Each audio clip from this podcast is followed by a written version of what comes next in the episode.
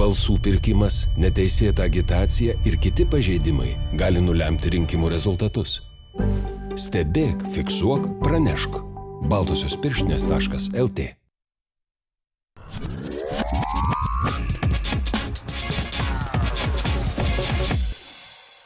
Sveiki. Kova dėl vienmandatės ir šiandieną dėl pasaulio lietuvių apygardos laidoje, kurią rengia Laisvės televizija savo iniciatyvą, savo norų ir reaguodama taip pat į jūsų prašymus, dalyvauja Andrius Bagdonas, Sušinė Armonaitė, Rūta Miliūtė ir taip pat uh, Linas Linkevičius, bet jis nuotoliniu būdu, kadangi turėjo izoliuotis po uh, Prancūzijos prezidento ir delegacijos vizito, nes turėjo kontaktų su užsikrėtusiu asmeniu.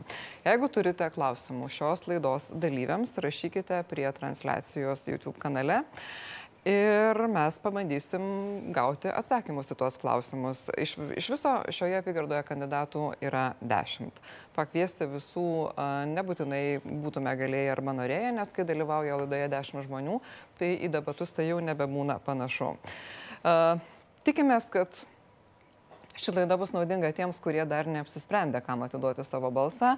Žinoma, truputį gaila, kad kai kurie jau esate balsavę, bet tikimės, kad tie, kurie balsavo, darė tai apsisprendę ir žinodami. Na, o tie, kurie dar nėra išsirinkę, tai tikrai tikimės, kad atsižvelgs į tai, ką išgirs šios dienos laidoje ir spės balsuoti užsienyje arba iki 11 paštu, arba 11 dieną Lietuvos Respublikos atstovybėse. Kodėl pasaulio lietuvių vienmandatė? Tai yra ta nauja apygarda, o ne kokia nors kita Lietuvoje. Pone Andriu. Na, visų pirma, aš labai džiaugiuosi, kad kolegos liberalų sąjūdėje iškėlė būtent mano kandidatūrą ir aš turiu galimybę prisidėti prie tų liberalų sąjūdžio programinių nuostatų įgyvendinimo, kurie jau nuosekliai turbūt yra nuo partijos įkūrimo. Tai pilietybės išsaugojimo klausimas, internetinio balsavimo įteisinimas, asmenvardžių rašyba. Na ir labai gaila, kad liberalai šiuo metu yra opozicijoje ir tų visų dalykų mes dar negalėjome padaryti. Tai labai tikiuosi, kad Seimo sudėtis pasikeis, ateis naujų žmonių, vakarietiškos mąstysenos žmonių ir mes galėsime šiuos visus sprendimus įgyvendinti per artimiausius artimiausius ketverius metus. Bet tą patį būtumėt galėjęs daryti ir jeigu būtumėte išrinktas kitoje apygardoje, ne pasaulio lietuvių. Aš manau, kad toje apygardoje žmogus, kuris bus išrinktas, tai į jį bus sudėta labai daug vilčių. Nes, o tai šiaip savo? Ne, kadangi jau keturi, daugiau kaip 40 tūkstančių žmonių užsiregistravo, akivaizdu, kad susidomėjimas šią apygardą yra išskirtinis ir labai daug bus sudėta į tą žmogų vilčių. Ir aš, jeigu būsiu išrinktas būtent šioje apygardoje, nors ir jeigu nebūsiu išrinktas, dėsiu visas pastangas tam, kad tuos pažadus, kuriuos mes davėme žmonėms gyvenantiems už Lietuvos ribų, mes galėtumėm įgyvendinti ir kad 2024 e, metais galbūt mes turėtumėm čia netgi dvi apygardas, kad užsienyje gyvenantis lietuviai aktyviau dalyvautų rinkimuose ir e, turėtų net savo du atstovus parlamente. Priklausys iš tiesų nuo aktyvumo. Kiek bus tų balsuojančių užsienio, kodėl jūs šitoje apygardoje? Na visų pirma, aš esu įsitikinus, jog Lietuva yra didesnė, stipresnė ir saugesnė pasaulyje, jeigu išlaiko ryšį su savo e, tautiečiais gyvenančiais užsienyje. Iš tiesų, kada praėjusiais metais įsteigėme Laisvės partiją, jos teigėjais tapo žmonės e, nuo iš pačių įvairiausių pasaulio kraštų, lietuviai gyvenantis ar Malazijoje, ar Kanadoje, ar Londone, ar net Ugandai. Ir supratome, kad e, geriausia kandidatūra, kurią galėtume pasiūlyti, ar ne, E, tai yra ne tik mano asmeninė kandidatūra, bet ir visa Laisvės partijos platforma, nes Laisvės partija yra na, globaliai mąstanti organizacija, kuri vieningai pasisako ir už daugybinės pilietybės idėją, ir už nuotolinės elektroninės ar ne paslaugas užsienė gyvenantiems lietuviams, pagaliau už švietimą, kuris turėtų būti pačiu pagrindiniu klausimu valstybėje mūsų nuomonė ir jis yra ypatingai svarbus siekiant na to lietuvybės išsaugojimo ir puoselėjimo. Rūta Miliūtė, kodėl užsienio lietuvių pasirinkimui, o ne piliečiams Lietuvoje? Visų pirma, tai tikiu, kad kiekvienas lietuvis yra svarbus, nesvarbu, kur jisai gyventų ir turi būti atstovaujamas Seime. Ir prieš keturis metus buvau išrinkta į Seimą daugia mandatėje apygardoje. Šiais metais Lietuvos valstiečių ir žaliųjų sąjunga, nepaisant to, kad nepriklausau šiai partijai, iškėlė mane kandidatuoti pasaulio lietuvių apygardoje ir su džiaugsmu priėmiau šį iššūkį.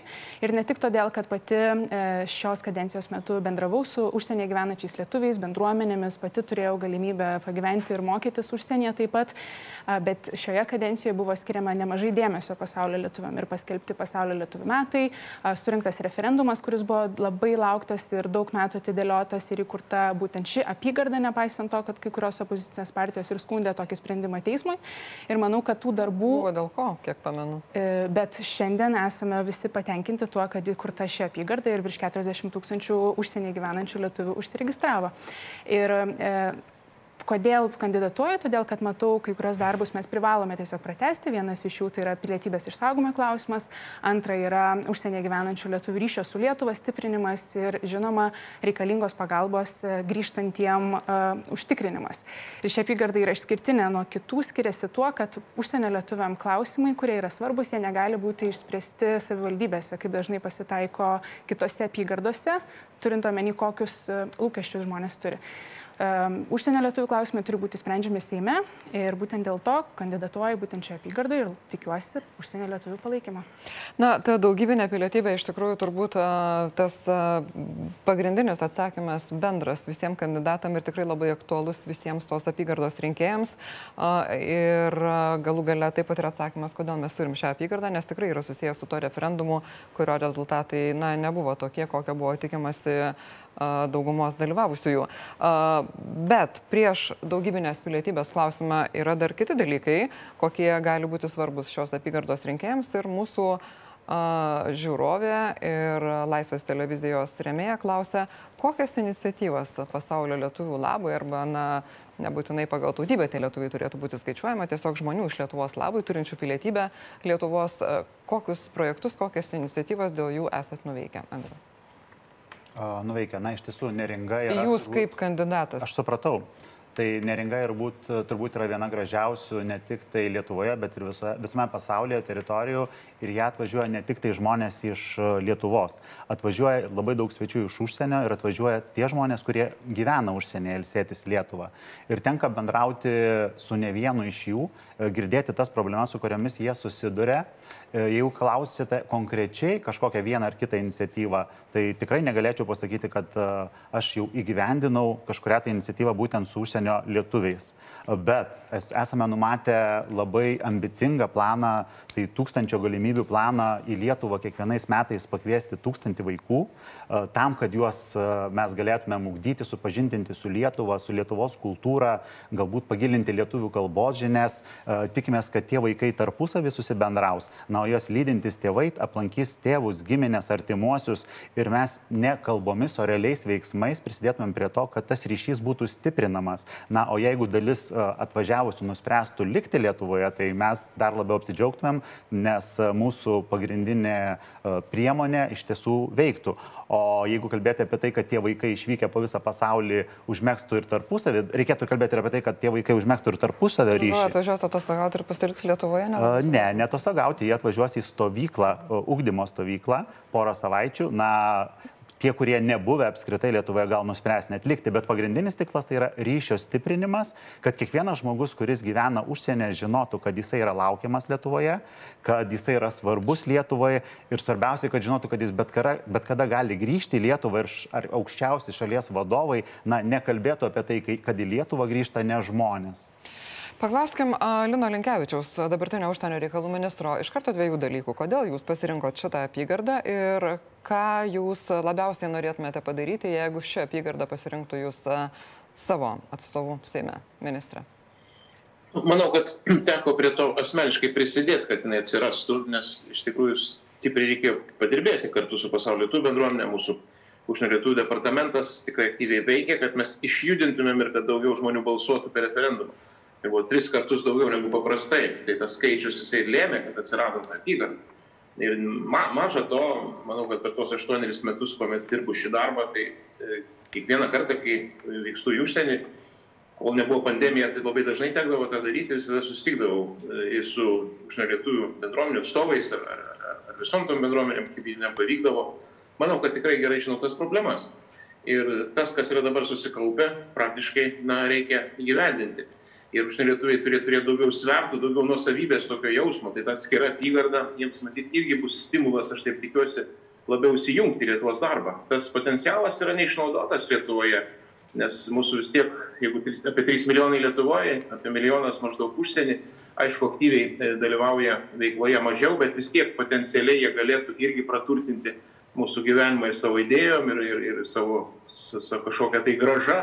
Ir nebūtinai grįžti į Lietuvą, nes ne visi galbūt ir gali, bet ir net ir negrįžus į Lietuvą gali dirbti Lietuvai. Taip pat yra daug tų variantų ir manau, kad prie to tikrai galėčiau prisidėti. Na, iš tiesų, nes tai jeigu dauguma norėtų grįžti, tai turbūt šitą apygardą nebe, nebebūtų tokia prasminga su ta prasme, kokią ji turi dabar. Noriu paklausti Aušinės Armanaitės, be pilietybės, atidėkim dar tą klausimą. Minėjot švietimą, ką turit galvoj?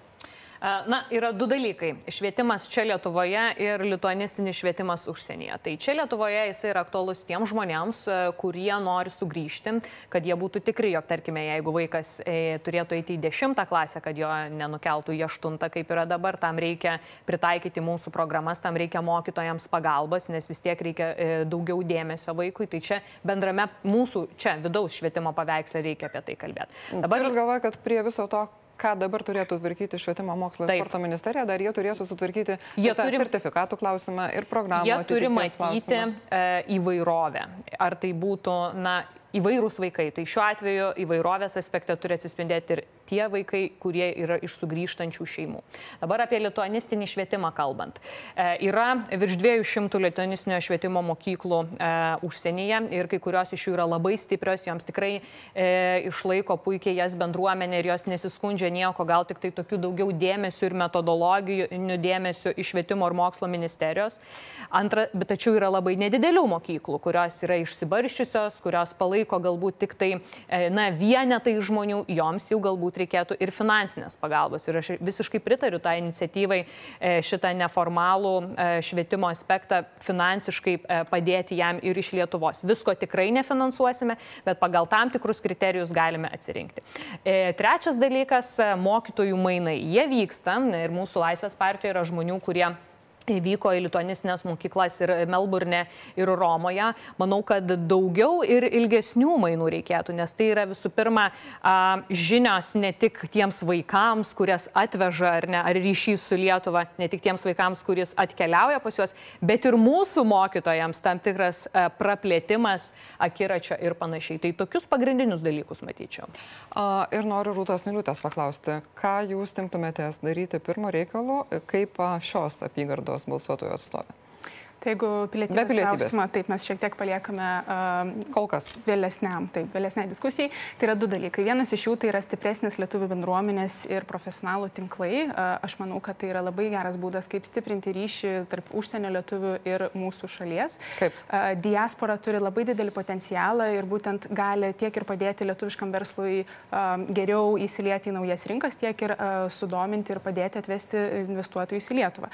Tai būtent profesionalų tinklai, kurie turi turi e, gerus ryšius, turi patirties, e, turėtų būti skatinamos ir tam tikros partnerystės meno, verslo, e, mokslo srityje, tam, kad galima būtų pasidalinti tomis žiniomis ir užsienio lietuviam daugiau dalyvauti Lietuvos visuomeninėme gyvenime. Antras dalykas tai yra grįžtančiųjų vaikų geresnė integracija į lietuvišką švietimo sistemą. Yra tam tikri žingsniai jau padaryti, yra lietu, mokyklų tinklas Lietuvoje, kurios yra pasiruošusios priimti emigrantų vaikus, kurios turi tam tikrą ir metodologiją, tačiau nebejoju, kad tas tinklas turėtų būti plečiamas. E, yra e, jau skiriamas papildomas finansavimas grįžtančių į vaikam tam, kad galima būtų jiems skirti daugiau laiko mokantis lietuvių kalbą arba teikiant psichologinę pagalbą.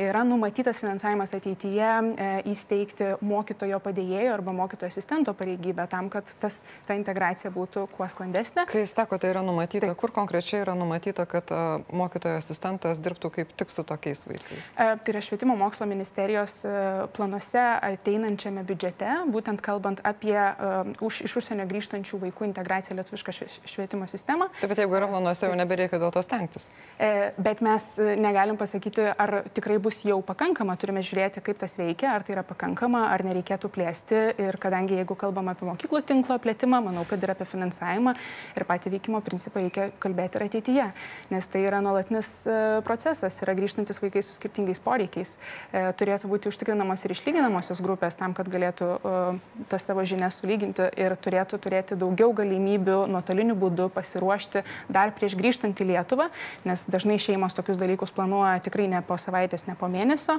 Uh, taigi, kaip ir minėjau, pagalba jau sugrįžus ir nuotoliniu būdu uh, daugiau galimybių tas žinias sulyginti ir taip pasiruošti sugrįžimui. O šiandien, ar manote, mačiau, kad noriu norėjau ar sureaguoti, ar, ar oponuoti, net nežinau. Um, kad yra popieriuje ar kažkokiam plane, tai dar nereiškia, kad tai įvyks. Ką aš supratau politikoje, tai nėra taip, kad paspaudi mygtuką ir veikia, reikia nuolatinio politinio dėmesio. Gal dar e, bijau, kad gali būti nepaliestas šituose debatuose labai svarbus aspektas, tai yra skaitmeninės e, Lietuvos paslaugos. Ar tai būtų švietimas ir galimybė online mokytis, kai tu esi užsienyje, daugiau galimybių tam, ar tai būtų apskritai paslaugos. Na, man atrodo, jeigu mes na, suprantame, kad E, viskas yra gerai, kad žmonės ieško galimybių užsienyje, bet jie nori dalyvauti savo šalies gyvenime. Mes turime vis dėlto ambicingiau skaitmenizuoti savo valstybės paslaugas. Ar tai būtų notaro paslaugos ir tu galėtum nuotoliniu būdu sudaryti sandorį, nesvarbu iš kur tu esi. Ar tai būtų, na, galbūt internetinio balsavimo saugaus e, sukūrimas. E, pasimeta šitie dalykai e, tokiuose debatuose. O šiandien 21 amžius mums leidžia dalyvauti šalyje, net nebūnant fiziškai vietoje. Registruoti verslą tikrai nebūtina turėti fizinį adresą Lietuvoje. Dabar tai yra reikalaujama. Matyt, reikėtų tai spręsti spręsti. Norit pridėti ką nors dėl? Norėčiau to, pridėti iš tikrųjų apie skaitmenizaciją, na, ypatingai COVID-19 sukelto karantino ir įvesto ribojimo judėti žmonėms Lietuvoje mes pamatėme, kad na, lietuvių raštingumas elektroninis yra pakankamai aukštame lygyje.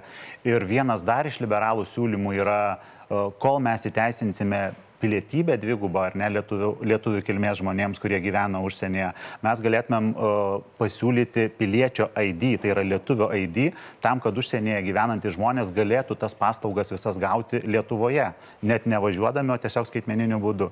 Nes dabar didžioji dalis neturi nei elektroninės bankininkystės prisijungimo, o dalis neturi ir dokumento.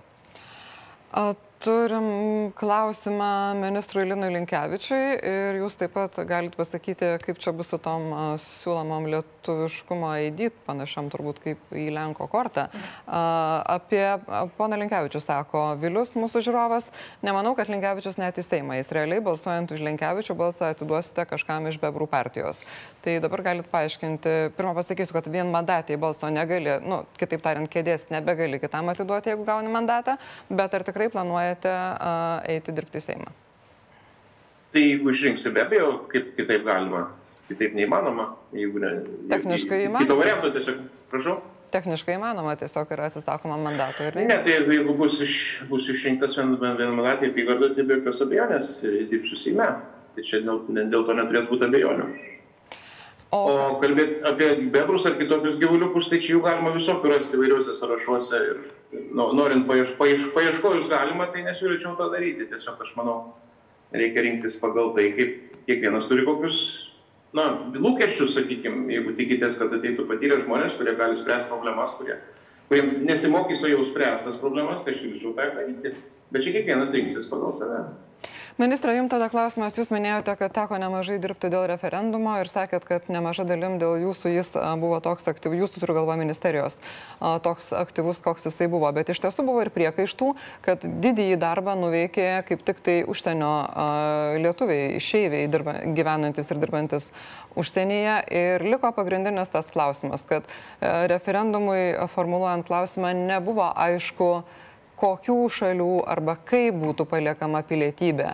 Ir kai mes šiandien kalbam apie daugiau negu vieną pilietybę, ne tik tai Lietuvos, taip pat dažnai pasigirsta, kad tai būtų dviguba. Ar jūs stengtumėtės tik dėl dvigubos ar dėl daugybinės pilietybės? Ir kokiu būdu būtų nustatoma, kurių šalių kuriuose šalise gyvenantis lietuvių kilmės žmonės gali turėti tą antrą arba trečią pilietybę, o kurių ne?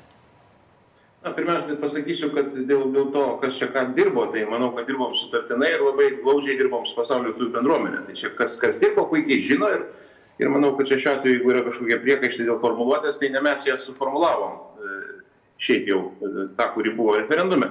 Bet jūs buvote Seimo narys ir valdančios nu, tai, daugumos atstovas. Tai tvarka, aš tik tai sakau, kad vis tiek dėkim daiktus ten, kur jie yra ir tą, ką mes darėm ir ką nuveikėm, tai aš manau, kad čia sunku būtų nuneigti. Ir tie, kas žino, kas tą darbą dirbo, tai nemanau, kad čia kas nors kam nors priekaištauja. Ir apskritai, čia buvo šiaip didelė sėkmė ir, ir, ir tas visas tris, tris kartus didesnis skaičius ir tiesą sakant, kad 72 procentai balsavo už, tai manau irgi yra pergalė, tik tai kadangi slengstis referendumo įstatymo aukštas, tai todėl nepavyko, bet aš nemanau, kad tai buvo nesėkmė, tai buvo tiesiog labai aišku ženklas, kad tą problemą, tą klausimą turime išspręsti. Tai Ir kaip dabar prie kitos dalies, ką jūs klausėte, tai pirmiausia reikia susirūpinti, kad pilietybė įgyta, sakysim, įgimstant, jinai nebūtų prarandama. Nes dabar yra būtent e, tokie kliuviniai, yra visokios išimtys, tačiau, tačiau vis tik tai tik referendumo galim tai išspręsti. Tai ta formuluotė maždaug tokia ir turėtų būti. Mes taip ir kalbėjom, kad mes kalbam ne apie dvigubą pilietybę, apie pilietybės išsaugojimo klausimą. Tai aš manau, kad į tai turėtumėm ir susikoncentruoti. Ir dabar dar yra tų skeptikų nemažai. dviguba nėra tas pats, kas daugybinė, kai gali būti ir trys, ir keturios, ar ne, jeigu labai nori. Už kokią... Na, Nu, iš tikrųjų, ne tas pats. Aš laiką vartodavau savo. Aha, ministras Linas Linkevičius. vartojau savoką tos. Kažkas čia buvo pe- persimšę. Žodžiu, pilietybės išsaugojimo klausimą akcentuodavau visada. Okay. Noriu paklausti kitų uh, laidos dalyvių. Aušinė Armonaitė, dviguba ar daugybinė? Vienareikšmiškai daugybinė e, ir aš net ne, nežinau, ar apskritai yra toks žanras kaip dviguba pilietybė, nes tai vėl yra pa- papildoma biurokratija, aiškinimasis, kas ten kiek kokių pasų turi. Tai e, leiskim žmonėms, e, kurie gi- gimimu įgyjo Lietuvos Respublikos pilietybę, išsaugoti ją ir nesvarbu, kiek jie dar kokių pasų turi. Aš nenoriu gilintis, kiek kas pasų turi. Aš noriu, kad žmonės, kurie myli Lietuvą ir nori išsaugoti pilietybę, turėtų tą galimybę. Tik tiek. Ir tiesą sakant, na taip, referendumas vyko, anksčiau tokių referendumų nebuvo, čia puiku, tačiau jis vis dėlto vyko e, per trumpai, buvo didelė biurokratija, pasaulio lietuvių organizacijos ten turėjo registruotis, kai kam ten ne- negalima buvo registruotis, pati kampanija e, vyko maža, politiniai lyderiai, kurie e, kandidatavo, pavyzdžiui, prezidentus, tikrai nepersistengė, nesakė, kad balsuokite už mane ir už pilietybės įsaugojimą. Tas buvo nutylima ir man dėl to yra apmaudu. Jeigu aš būsiu išrinkta šitoje apygardoje, iš tikrųjų darysiu viską, e, kad tas referendumas įvyktų su trenksmu ir kad jis įvyktų sėkmingas. A, Pone Rūta, jūs kokią matytumėt? e, Dvigubą ar daugybinę? E, Manau, kad dvigubą ir daugybinę kartais naudojam kaip sinonimus, tai kalbėdami nėra apie... sinonimai. Kokią jūs e, matytumėt? Aš manau, kad svarbiausia yra leisti žmonėms išlaikyti lietuvišką pilietybę ir nėra uh, svarbu, kiek kokių pilietybių dar kitas asmo turės. Nemanau, kad mes turėtume tą reguliuoti. Svarbiausias yra Lietuvos pilietybės išlaikymo momentas. Ir uh, kalbant apie tą patį referendumą, iš tikrųjų uh, padarėme tam tikrų ir klaidų, išmokėme tam tikras pamokas, ką aš norėčiau, kad ateinančioje kadencijoje ir politinės partijos uh, susitartų tarpusavyje ir neagituotų nedalyvauti arba susilaikyti referendume, kaip ir buvo prieš tai. Nes jeigu mes turime bendrą tikslą, turime e, pasaulio lietuvių didžiulį lūkestį e, galų gale referendumu pakeisti mūsų konstituciją ir suteikti galimybę jam išlaikyti pilietybę, tai ir siekime to tikslo bendrai. Ir taip. Visiškai taip, bet tuo pačiu reikėtų ir susitarti, ar išsaugoti pilietybę galės žmogus nepriklausomai nuo valstybės, kurioje jisai tuo metu gyvena, arba na, gimsta jo vaikas, ar tai priklausys, ar ta valstybė yra Lietuvos sąjungininkas ar ne, nes tokių diskusijų buvo, prieita iki sprendimo, iki galo taip ir nebuvo. Kokia yra jūsų vizija? Na, e, Šitas referendumas buvo ypatingai aktuolus ir e, būsimas yra aktuolus tiems žmonėms, kurie šiuo metu palieka Lietuvą arba yra padarę tai labai e, na, neseniai. Tai būkim realistai, jie nevažiuoja į, e, pas Putiną, jie važiuoja dažniausiai į NATO, Europos Sąjungos valstybės. nemažai lietuvių kilmės žmonių. Bet, bet jie yra iš anksčiau tenais ir dalis jų turi. Bet dalis neturi. Ne pilietybės. Tai aš tik noriu pasakyti, kad tai nebūtų buvusi tokia didelė problema. Bet aišku, kad Idealiausia būtų neskirstyti. Ir dar vienas dalykas, idealiausia būtų, kad net ir tie žmonės, kurie gyvena Lietuvoje, pavyzdžiui, dainininkė Erika Jennings, turėtų galimybę turėti ir Lietuvos Respublikos pilietybę, neprarandant savo gimtosios šalies pilietybės. Tai idealiu atveju aš tikrai pasisakyčiau už tą plačiausią sampratą pilietybės. Rūta, jūs? Aš lygiai taip pat manau, kad mes neturėtume skirstyti Lietuvos piliečių į geresnius, vertesnius arba mažiau vertus, bet aišku, čia šiuo atveju buvo ta formuluotė pasirinkta atsižvelgiant į mūsų ir geopolitinę ir saugumo situaciją. Dabar turėsime laiko daugiau išdiskutuoti ir tą pačią formuluotę ir priimti tokius sprendimus, kad nesijaustų lietuviai ar diskriminuojami, ar kažkaip tai rušiuojami tie, kurie norės išlaikyti pilietybę. Geopolitinė situacija turbūt labai smarkiai nepasikeis, Andriu, kokį jūs matytumėt variantą? Tai aš matau, kad, manau, kad visiems Lietuvos piliečiam, kurie nori būti ir kitos šalies piliečių ar ne jaustis pilnaverčių tos šalies e, e, gyventojų, mes turime suteikti galimybę išsaugoti pilietybę, bet aš grįšiu prie jūsų klausimų, į ką nebuvo atsakyta. Tai aš manau, kad po Seimo rinkimų jau dabar reikia kalbėti apie tai, apie datą, kada bus organizuojamas referendumas ir tam renktis. Aš manau, 24 metais kartu su prezidento rinkimais, kuomet aktyvumas piliečių būna pats didžiausias, dalyvaujant demokratiniuose procesuose, mes galėtumėm numatyti šitą datą bent poros metų pasirengimo ir švietėjišką kompaniją, numatyti tam ir finansavimą žinoma. Ir e, Kas labai svarbu, e, labai svarbu, ką ir kolegės e, sakė, kad na, politinės partijos arba jų lyderiai negituotų neimti referendumo biuletenio. Žmogus gali turėti vienokią ar kitokią nuomonę, bet žlugdyti patį referendumą tokiu būdu man yra tiesiog neprimtina. Taip pat dėl skaičių mes matėme, kad na, pritrūko šiek tiek, kad mes pasiektumėm tą teigiamą rezultatą. Tai manau, per, per tuos ketverius metus mums būtina įteisinti internetinį balsavimą tam, kad didesnis kiekis žmonių galėtų dalyvauti demokratinėse procesuose ir valdžią ir referendume dalyvauti patogiu jiems primtinu būdu. A, ministras Linas Linkevičius norėjo replikuoti, kalbant mums apie... Ne, tiesiog norėjau įsiterpti tą pačią diskusiją. Ir mano, mano požiūrį turėtų būti referendume sformuoluotas klausimas, kadangi dabar yra draudimas išlaikyti tą pilietybę, tai kad būtų pasakyta, kad nėra draudžiama ir kad tie atvejai būtų numatyti atskirų, atskirų konstitucinių įstatymų. Tenais turėtų būti įrašyta būtent tos šalis, ką jūs čia dabar visi diskutuojate. Tai suprantant, kad yra tikrai ir iš principo buvo didelė opozicija prieš tai, prisiminkim, tam klausimui iš principo ir dabar yra matyti prieštaraujančių, tai žinoma, reikia daryti etapais ir pradžioje turėtų būti NATO, ES ekonominės bendrijos šalis, e, o vėliau matytumėm, kaip tas procesas vyktų ir matytą konstitucinį įstatymą jau būtų galima lengviau koreguoti, jeigu būtų tam reikalas. Dabar labai pritariu ir, ir pats reikia agituoju už tai, kad prasidėjus jau naujam politiniam sezonui visos politinės partijos, kadangi bent jau žodžiais visos deklaruoja, kad pasisako už šį klausimo išsprendimą, tai turėtų pradžioje iš tikrųjų sutarti ir, ir sukurti tą planą, ir kada tai bus, ir ruoštis, ir kampanijai, nes iki šiol, būkime atviri, ne visos politinės jėgos taip nuosekliai šitą palaikė ir rėmė. Tai irgi prisidėjo prie to, kad šiek tiek pritrūko balsų tam, kad laimėtų jau ir, ir teisinė prasme, ne tik tai moralinė prasme šis referendumas. Aušinė Armanaitė nori replikuoti. Aš ne pirmus debatus iš tikrųjų kolegas girdžiu e, siūlant, kad na, turime pasiekti, jog partijos e, ragintų nebalsuoti prieš arba ten negadinti, neimti biuletenių, tačiau tai yra neįmanoma. Visada atsiras tokių, kurie bus prieš ir kurie tą, dir, tą darys ir mes čia jų nepriversim niekaip to padaryti. Bet tą gali priversti rinkėjai, rinkėjai nerinkdami tokių partijų ir tokių politikų. Ir va dabar yra tas metas, kada reikia tai daryti, kada iš esmės galime tai apspręsti, kad atviresni politikai ir globaliai mąstantis politikai patektų Lietuvos Respublikos Seimą, kad būtų kuo mažesnė opozicija pilietybės išsaugojimui. Na, dėl patekimo į Seimą tikrai pritariu, kad ateitų daugiau jaunesnių žmonių, kurie nedirbo Seime ir jie tikrai atneš naujų vėjų.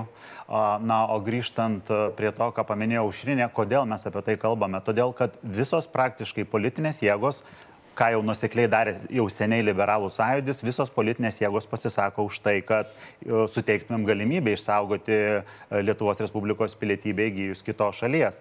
Ir aš manau, kad e, na, būtina, kad tie politikai būtų atsakingi ir išsakytų tą nuomonę ir Seime balsuodami. O sutinku, kad negalime mes nurodyti, kad žmogus vienaip ar kitaip balsuotų. Bet išsakyti savo nuomonę, kad jie neagituotų neimti referendumo biuletenio, Tai aš sakyčiau, mes šitą turėtumėm padaryti. Aš tai siūlau nerinkti tokių politikų tiesiog. Žiūrėkit, bet tai, ką jūs kalbat dėl pilietybės, kas tikrai yra aktualu ir tikrai patinka didžiai daliai turbūt pasaulio lietuvių apygardos būsimųjų balsuotojų, na, yra logiška.